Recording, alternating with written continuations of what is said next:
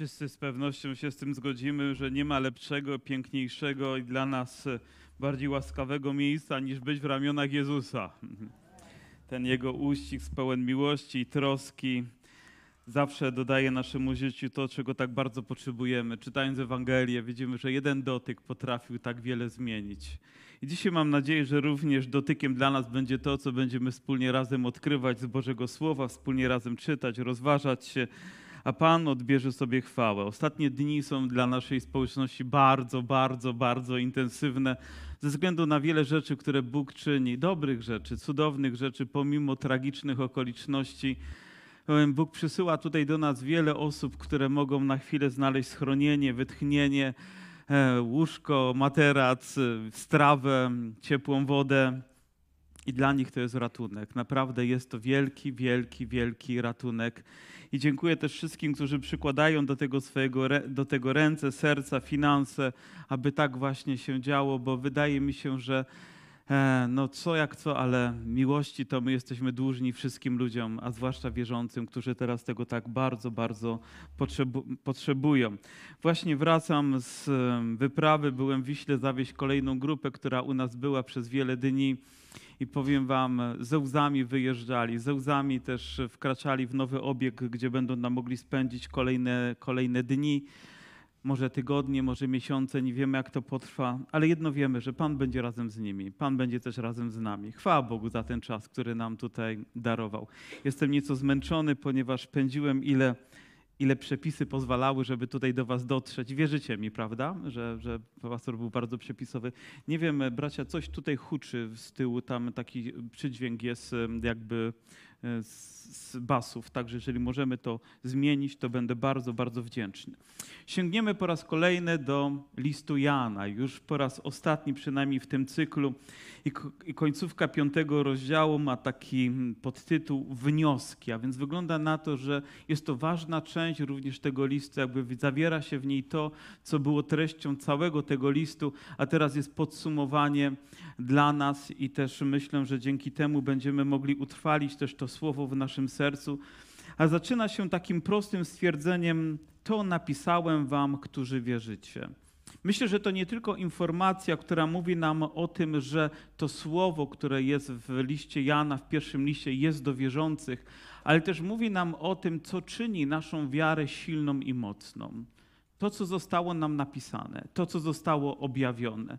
A więc nasza wiara nie opiera się na jakichś baśniach, opowieściach, historiach, tylko nawet gdyby były najwspanialsze, najcudowniejsze, poruszające, ale nasza wiara opiera się na Bożym Słowie, na tym, co zostało nam napisane. I myślę, że to jest taka jedna z radykalnych lekcji również dla naszego życia, że jeżeli nie przyjmujemy Bożego Słowa, jeżeli nie czytamy go, jeżeli nie budujemy się nim, to nasza wiara będzie bardzo chwiejna.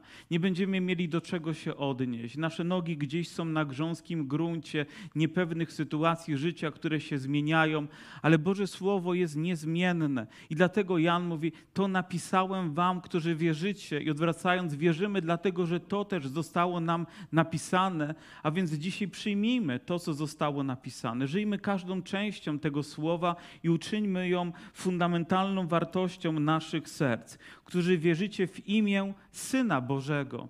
I znowu ukierunkowanie. Nasza wiara nie jest jakąś tam wiarą o, ważne, że wierzysz, ważne, żebyś w coś wierzył, ten sobie wierzy w tego Boga, ten sobie wierzy w tamtego Boga, ale ja wierzę w Jezusa Chrystusa, wierzę w mojego Pana i mojego Zbawiciela. Nie wierzę w Boga, który każe zabić siebie, żeby zabić innych. Wierzę w tego, który oddał swoje życie, by uratować mnie. Wierzę w mojego Pana Jezusa Chrystusa, który przyszedł dla mojego zbawienia, który poświęcił się dla mnie, który jest Synem Bożym, został objawiony dla mojego serca. Ja wierzę w Niego, tego się trzymam. Jest to niezmienne i tak znaczące dzisiaj dla nas. Znaczenie ma to, jakie jest wyznanie naszej wiary, a ono brzmi: wierzę w Jezusa Chrystusa, Syna Bożego. Amen?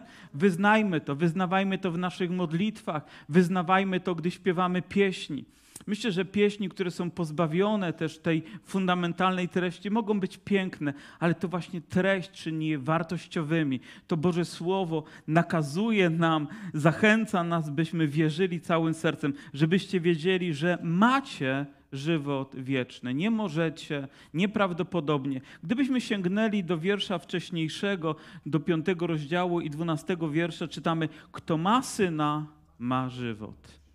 Naprawdę przeszywające serce słowo. Kto ma syna, ma żywot. I dzisiaj na tym miejscu każdy, kto ma tę pewność, że uznał Jezusa za swojego Pana i Zbawiciela, każdy, kto go wyznał, każdy, kto potwierdził swoją wiarę również w chrzcie, każdy, kto trwa w Panu, może powiedzieć z całą pewnością: Mam żywot wieczny. Naprawdę jest to tak ważne, zwłaszcza dzisiaj, gdy czasy są tak niepewne i też nie wiemy, co jeszcze nam przyniosą. Ale mamy żywot wieczny. Dzisiaj należy do Jezusa. Nie muszę martwić się kolejnym dniem w taki sposób pełen bólu i pełen strachu, ponieważ wiem, kim jestem w Jezusie Chrystusie. Wiem, jakiego mam wspaniałego Zbawiciela. Czy to nie jest cudowna wieść dla Was?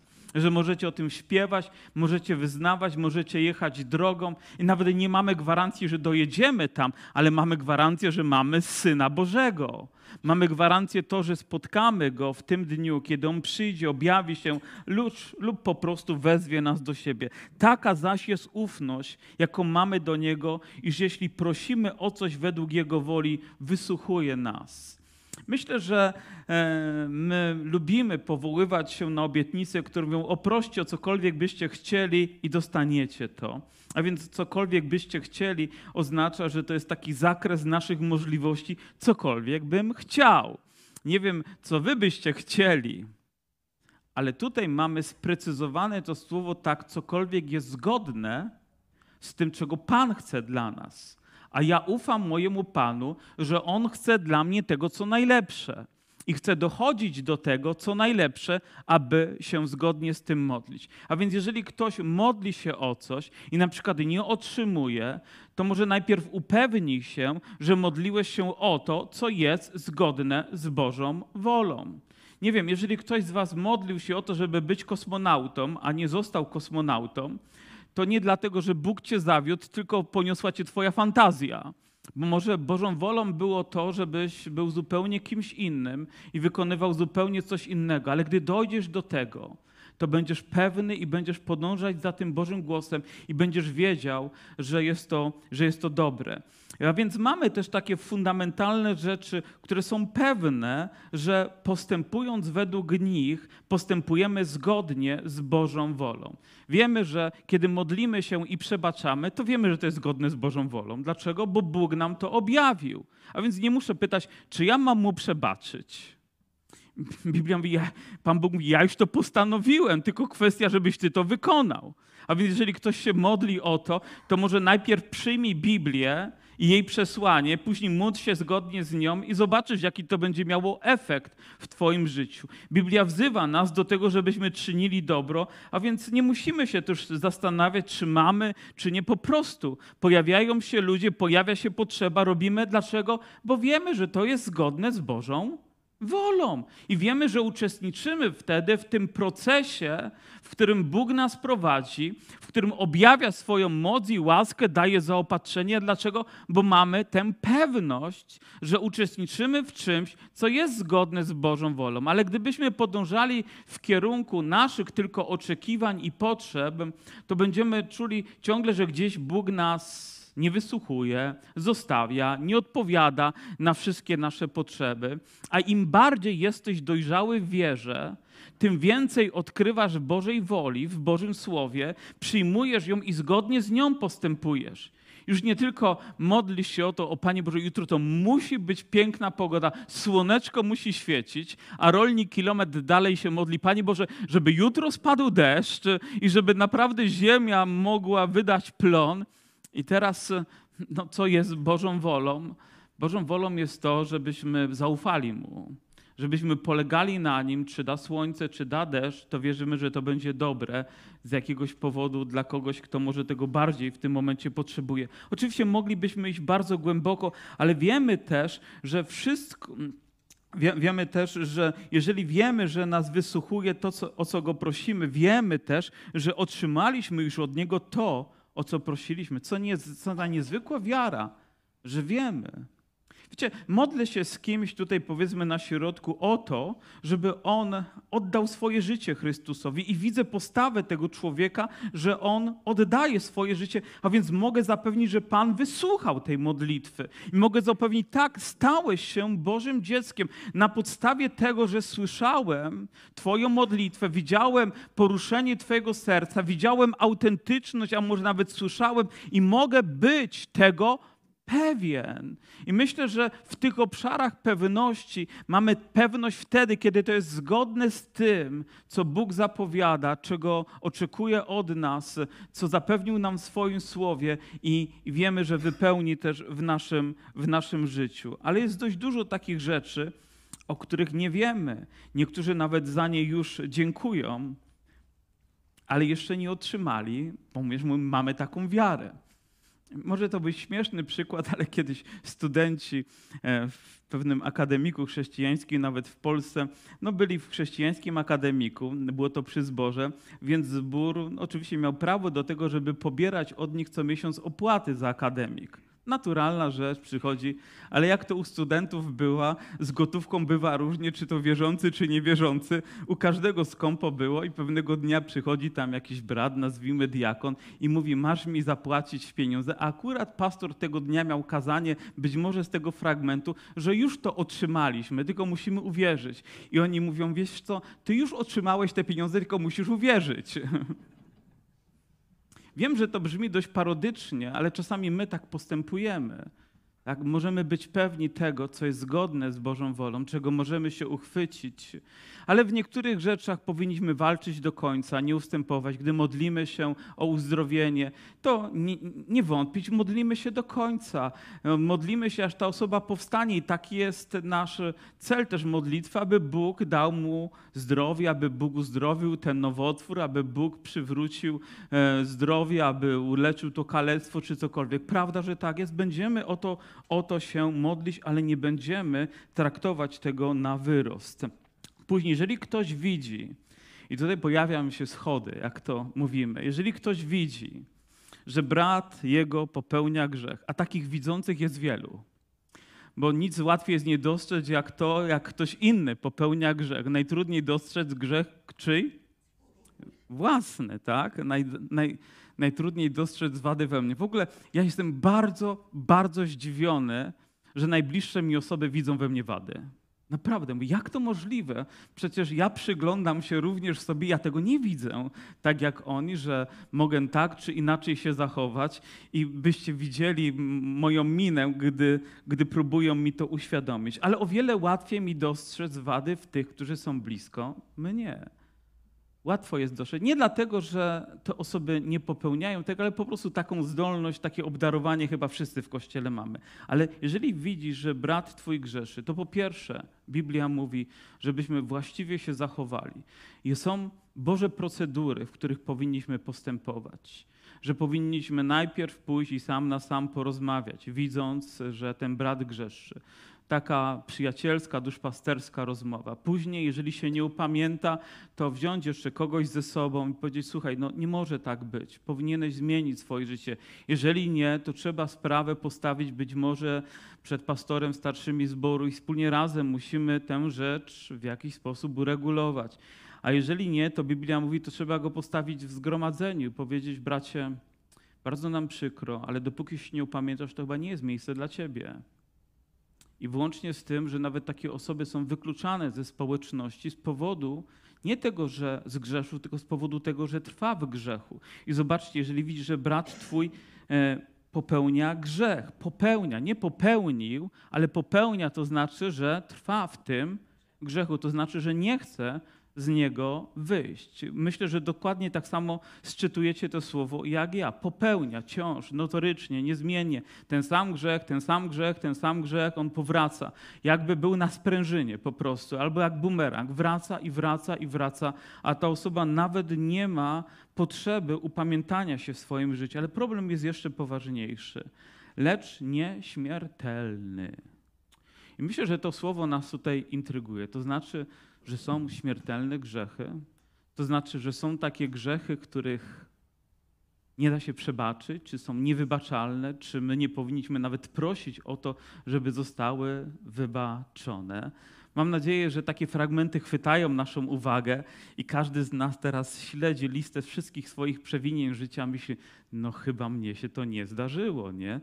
No bo, no bo jakże by to mogło być? Albo jakiej kategorii to może być grzech, który byłby, byłby śmiertelny? Czy to morderstwo, czy to seria morderstw, nie tylko jedno, czy to cudzołóstwo, czy to bluźnierstwo, czy to okultyzm, czy innego rodzaju rzeczy. Który z nich z tej kategorii jest niewybaczalny? Macie jakieś pomysły?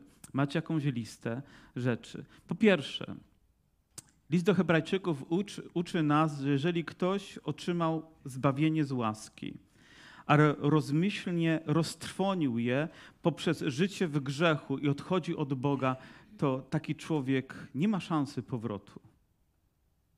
Trudne słowa i bardzo bolesne słowa. No bo czy Bóg nie jest w końcu Bogiem kolejnej szansy? Czy nie daje nam możliwość, jak synowi marnotrawnemu, powrócić i powrócić i powrócić? Ale jeżeli lekceważymy sobie tak wielki dar zbawienia, jaki został nam okazany w Jezusie Chrystusie, ktoś żongluje sobie tym, co jest tak cenne. W ogóle słowo żonglerka w odniesieniu do tego, co Jezus dla nas uczynił, to wydaje się obraz, no, który nie powinien się nigdy pojawiać, ale ludzie poprzez swoje zachowanie tak właśnie postępują. A więc lekceważą sobie, lekceważą, jakby przekraczają pewne granice, kolejne i kolejne i kolejne, aż w końcu coś pęka i ten człowiek nie wraca. Nie ma go. To tak jakbyś chodził, nie wiem, po lodzie, który jest bardzo cienki i wiesz, że on jest cienki, wiesz, że jest to niebezpieczne i słyszysz nawet trzaski, które się wydobywają z niego i to zwiastuje niebezpieczeństwo, ale idziesz tam bezkrytycznie i myślisz sobie, nie no, kto jak to, ale ja dam radę, ja sobie poradzę, aż w końcu może się wydarzyć wielka katastrofa. Więc o czym, o czym tak naprawdę mówię? Mówię o tym, że człowiek może odejść od Boga i później po prostu nie mieć ochoty do Niego powrócić. Grzech tak zniszczy Twoje życie i tak zatwardzi Twoje serce, że powrót staje się po prostu niemożliwy. Nie dlatego, że on nie jest niemożliwy, ale Ty nie chcesz powrócić. Nie masz takiej potrzeby. Widziałeś osobę w zborze, a kilka lat później, ale nie mam potrzeby wracać do zboru, nie mam, nie mam potrzeby bycia w społeczności. Po prostu tak odleciał, że już nie chce z powrotem być tam, gdzie, gdzie powinien być. Biblia mówi zostawić takich ludzi. Znaczy, może się coś wydarzy jeszcze, może rzeczywiście zmiękną, ale nie jest naszą rzeczą ingerować na siłę. Wiecie też dlaczego? Ponieważ dar zbawienia jest tak cenny.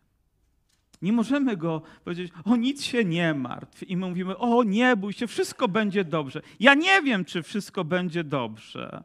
Ja nie mogę ci obiecać wygodniejszego, łatwiejszego życia, gdy idziesz za Chrystusem. Mogę ci obiecać to, co Biblia obiecuje, że On z tobą będzie, że cię nie opuści, że będzie cię strzec. Ale my próbujemy ludziom ułatwić życie na początku, nawet gdy idą za Chrystusem, robiąc coś dla Niego, wychodząc, dając Mu cukierka w kształcie, w kształcie serca i z środkiem napisem Jezus, żeby tylko chciał zostać. Ale nie, wiara rzuca nam wyzwania, prawda? I czasami im trudniej to tym bardziej mamy ochotę podążać tą drogą, iść za Jezusem i myślę, że taka też powinna być nasza wiara. Chcesz iść za Chrystusem, to się go mocno trzymaj. Trzymaj się Bożego Słowa, trzymaj się modlitwy, trzymaj się społeczności, trzymaj się relacji z Bogiem i z Kościołem, trzymaj się mocno i nie pozwól, żeby ktokolwiek ci to zabrał, bo lekceważąc to sobie, wędrując gdzieś na obrzeżach, pewnego dnia może dojść do tragicznego skutku w Twoim życiu. Opowiadałem Wam tę tragiczną historię, jak pewna kobieta, młoda kobieta, która wychowywała się w społeczności, chodziła na szkółkę niedzielną i o ile dobrze wiem, przyjęła chrzest i była członkiem zboru, ale poznała e, niewierzącego człowieka, który był żonaty, zakochała się w nim, no i postanowiła, że zakosztuje takiego życia niemoralnego. Aż pewnego dnia tę wierzącą dziewczynę, wychowaną w wierzącym domu, znaleziono w niedwuznacznej sytuacji z tym mężczyzną w samochodzie, otruci, opa- otruci wydechami, te, które wydobywają się z samochodu. Nawet nie wiedzieli, kiedy ich życie się skończyło. Tak niebezpieczny jest grzech. Takie niebezpieczeństwo czyha w życiu każdego z nas. Ktoś jest wierzącym człowiekiem, wyszedł z nałogu, ale mówi: O, teraz wyszedłem z nałogu, to mogę sobie wypić piwko, albo mogę sobie lampkę wina wypić. Tutaj kiedy siostra opowiadała, jak też Pan Bóg ją uwolni, tylko jedna lampka szampana. No bo cóż nam zaszkodzi jedna lampka szampana? Ale nie wiesz, jak wielkie niebezpieczeństwo za tą jedną rzeczą może się kryć dla Twojego życia. Powiem, a to tylko jedna randka z taką osobą, a to tylko jedno spotkanie gdzieś tam, a to tylko jedna noc spędzona poza domem, poza rodziną, z niewiadomą osobą. Nawet nie wiemy, jak to może się skończyć. Czuwajcie, Biblia mówi, bądźcie mądrzy, a więc grzech może doprowadzić do śmierci. Może być też tak, że przekroczymy pewne granice, a my musimy być w tym nie tylko ostrożni, ale też radykalni, pielęgnując zbawienie i nie pozwalając, żeby takie rzeczy miały miejsce i zatruwały życie naszej relacji z Bogiem jako społeczności. Niech się modli, jeżeli nieśmiertelny, a Bóg da mu żywot. To jest tym, którzy nie popełniają grzechu śmiertelnego. Wszak jest grzech śmiertelny. Nie o takim mówię, żeby się modlić. Naprawdę to wydaje się takie straszne, jakby ktoś przyszedł, a ktoś mówi, ale nie będę się z tobą modlić. Dlatego, że ty wciąż nie zmieniasz postawy swojego życia i tak naprawdę tylko narażasz na szwank reputację Kościoła i być może nawet autorytet modlitwy, bo ty nic nie chcesz zmienić. Modlitwa ma znaczenie i powinna mieć ogromne znaczenie w naszym życiu. Jest inna też rzecz, która mówi o grzechowi przeciwko Duchowi Świętemu, czy czymś, co jest przeciwko Duchowi Świętemu. E, bardzo, bardzo, bardzo znaczącym. I co, co przez to również możemy rozumieć? No bo każdy grzech może być przebaczony tylko nie przeciwko Duchowi Świętemu i o tym Ewangelie nas zapewniają. A więc kiedy człowiek występuje przeciwko Duchowi Świętemu? Czy to kiedy pomyśli jakieś złe słowo, jakaś rzecz powstanie, no to my wszyscy byśmy chyba w tej kategorii się zaliczali, a zwłaszcza gdy żyliśmy kiedyś bez Boga, albo gdzieś nagle jakieś słowo się pojawiło i myślimy, że tylko żeby nie pomyśleć, tylko żeby nie pomyśleć, tylko żeby nie pomyśleć, tylko żeby się nie pojawiło nic takiego w moim życiu, bo to byłoby straszne. Myślę, że Biblia w tym przypadku mówi jednoznacznie o osobach, które świadomie, wiedząc to, kim jest Jezus, wiedząc to, dlaczego On przyszedł, i co ma do zaoferowania, świadomie go odrzucają. Świadomie. Po prostu odchodzą. Nie wiemy, czy bogaty młodzieniec miał szansę powrotu. Po prostu wiemy, że odszedł. Chciałbym poczytać inne historie i wiedzieć, że powrócił, ale nie mamy tej gwarancji. I też nie mam gwarancji odnośnie osób, które słysząc dobrą nowinę, ale odwróciły się i odeszły. Słyszałem historię o ewangelizacji, to jest prawdziwa historia, gdzie przyjechali młodzi ludzie na motocyklach, żeby no, na ewangelizacji być, a bardziej, żeby sobie takie żarty zrobić, bo ewangelizacja była pod namiotem, a więc weszło kilku tam młodych ludzi, no usiedli sobie i oczywiście kaznodzieja mówił, a oni sobie żarty robią. A on mówił o Chrystusie, mówił o Jego łasce, mówił o przebaczeniu, powiedział, że tylko krew Jezusa może być i wszystko to, co Ewangelia zawiera, a później zrobił wezwanie. Jeden z nich postanowił wyjść na środek, żeby oddać życie Chrys- Chrystusowi. Ale pozostali powiedzieli, nie, my wychodzimy, odwrócili się napięcie. Nim skończyło się to nabożeństwo, ktoś przybiegł z wielkim lamentem, ponieważ zdarzył się wypadek i ci młodzi ludzie zginęli po prostu nagle. Ja, ja nie twierdzę, że to musi się stać już teraz, ale właśnie tak dzieje się w sferze duchowej, kiedy człowiek świadomie lekceważy sobie, odrzuca dar zbawienia, odwraca się napięcie i idzie w drugą stronę. Dzisiaj jest czas zbawienia, a więc nie występujmy. Jeżeli Bóg mówi do nas, to przyjmujmy, a nie występujmy przeciwko Niemu. Przyjmujmy Boże Słowo, przyjmujmy napomnienie. Nie lekceważmy sobie tego wielkiego daru. Nie oddalajmy się od Boga, badając, jak daleko możemy mieć dystans, jak daleko możemy my bawić się i mimo wszystko zaliczać się do tego, że gdzieś tam jesteśmy na liście członków Kościoła jeszcze, dopóki nas nie wykreślą, bo nawet nie wiesz, kiedy ta granica zostanie przekroczona i ciebie po prostu nie będzie. Uważajcie, to jest drogocenny dar. Być może już na początku pojawiły się takie osoby, które tak wiedziały, co Jezus uczynił, ale zaczęły sobie to lekceważyć i Jan uznał za stosowne napisać to również do Kościoła, całego Kościoła, aby nie lekceważyli sobie tego wielkiego daru, aby uważali, bo może przyjdzie czas, kiedy już nic nie da się w tej sytuacji zrobić. Wiecie, dlaczego wy nie przekroczyliście tej granicy? Ja myślę o tym tak. Ponieważ fakt, że zadajecie sobie pytanie o tym i fakt, że jesteście tutaj, stwierdza to, że nie należycie do tej grupy, że nie popełniliście tego grzechu śmiertelnego. To jest dobra nowina dla każdego z nas. Aleluja. Naprawdę niech Twoje serce w tym momencie będzie uwolnione, bo diabeł czasami próbuje tego słowa nadużyć, żeby rzucić i mówi: No, z ciebie to już nic nie będzie, bo tyle złych rzeczy dokonałeś, że Pan Bóg ci na pewno nie przebaczy. Ale myśl, że chcesz przyjść do Boga, myśl, że chcesz się z nim pojednać, myśl, że pragniesz społeczności z nim świadczy o tym, że to nie dokonało się w Twoim życiu, ponieważ Twoje serce bije teraz dla Boga, ma pragnienie poznawania Go i dlatego ciesz się tym i nie lekceważ sobie tego. Ale mm, są historie, które nie zawsze są tak przyjazne dla, dla ludzi. Wszelka nieprawość jest grzechem, lecz nie każdy grzech jest śmiertelny. Wszelka nieprawość. Biblia mówi nie poszczególne rzeczy, które my uznaliśmy, które wylicytowaliśmy gdzieś w sferze moralności, że to jest grzechem, a to nie jest, tylko wszystko to, co jest przeciwko Bogu, czy to jest małe w naszych oczach, czy to jest wielkie, jest grzechem.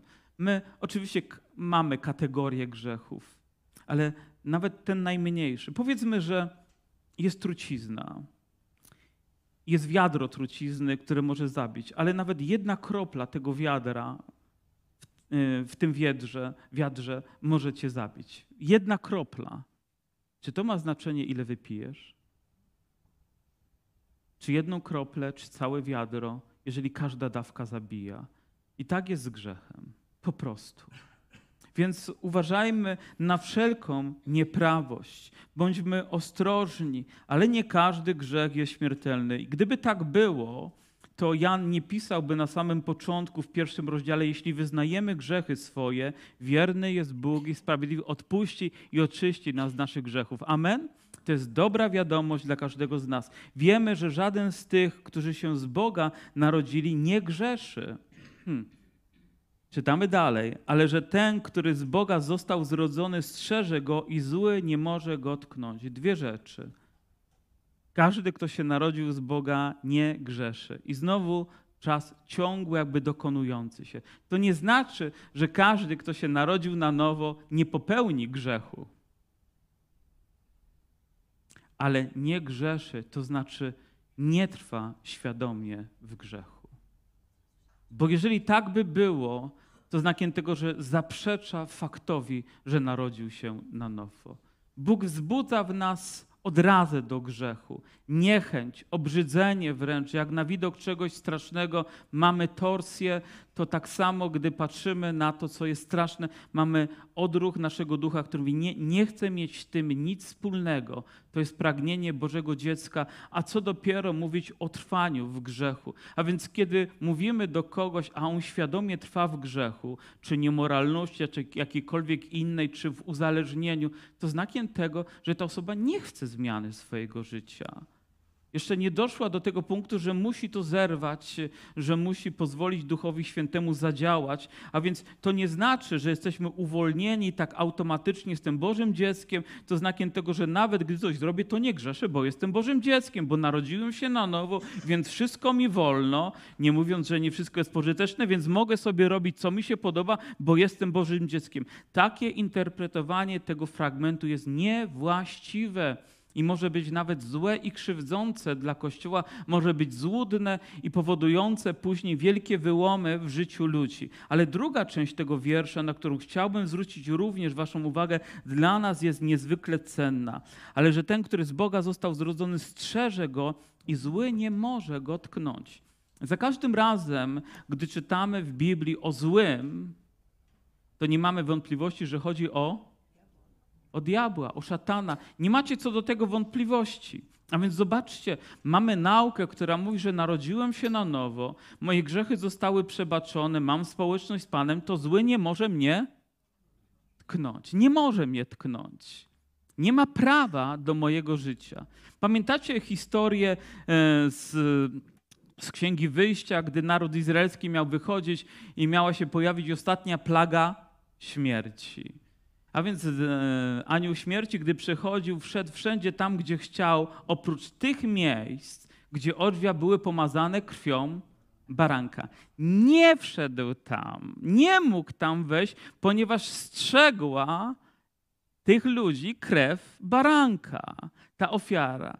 I wierzę, że tak samo jest w naszym życiu, że kiedy strzeże nas nasz Pan, kiedy krew Jezusa Chrystusa obmywa nas z naszych grzechów, to jesteśmy wolnymi ludźmi.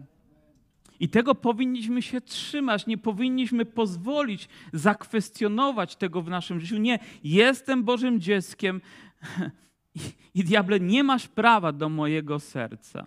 Kiedyś pamiętam, gdy remontowaliśmy tutaj jeszcze te nasze pomieszczenia, które dzisiaj są e, administracyjne, to mieliśmy tutaj jeszcze lokatorów, ponieważ na dole tylko mieliśmy część wyłączoną do naszej działalności. I był taki lokator, który był bardzo agresywny naprawdę uwielbiał zakłócać nam nabożeństwa. Gdy tylko się nabożeństwo pojawiało, on był pijany i on był wściekły i hałasował, ile się tylko dało. Nazywali go szeryf, nie wiem z jakiego powodu. I, I jak to się stało, że za każdym razem, gdy było nabożeństwo, to on był pijany i był wściekły. I wtedy też, gdy remontowaliśmy, to jak myślicie, szeryf był pijany i był wściekły. I, I ja wtedy byłem, akurat zdarzyło się sam. I przyszedł szeryf pijany i wściekły, stanął naprzeciwko mnie i chciał powiedzieć, co myśli o nas jako o kościele, co myśli o mnie jako o pastorze i jeszcze wiele innych rzeczy. I zaczął wymachiwać rękami, grożąc, jaką to krzywdę mi zrobi. I wiecie, i wtedy przyszła świadomość. Ja miałem po prostu od Boga do serca, że on nic mi nie zrobi. Ja nie twierdzę, że nie możemy dostąpić uszczerbku na zdrowiu fizycznie, gdy, gdy diabeł nas zaatakuje przez innych ludzi. Tego nie twierdzę, ale w tym momencie miałem to zapewnienie, jakby Bóg tarczę położył między mną a nim jako taką jeszcze z szyby, że go widziałem i on wymachiwał rękami, wręcz przed nosem mi wymachiwał. Ja nawet nie podniosłem rąk, żeby się bronić. I stałem tak spokojnie, wiedząc, że nawet nie tknie mnie jednym palcem. A więc nakrzyczał, naprzeklinał się, zmęczył się i odszedł. Ale to przekonanie w sercu było tak intensywne.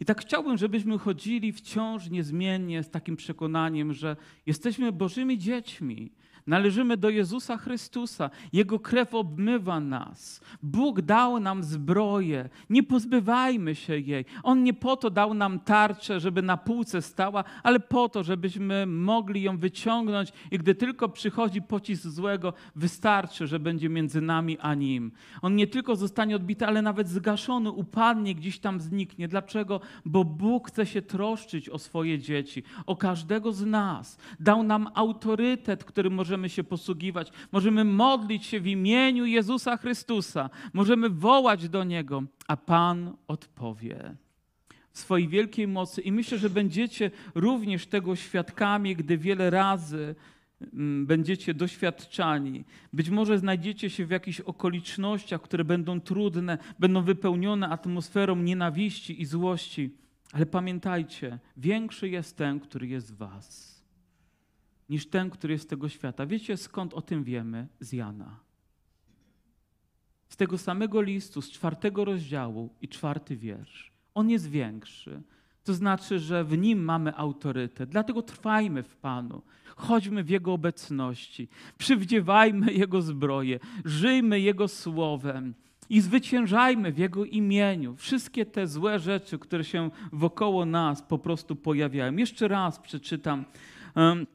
Ten, który z Boga został zrodzony, strzeże go i zły nie może go tknąć. Do kogo należy Kościół? Do Jezusa.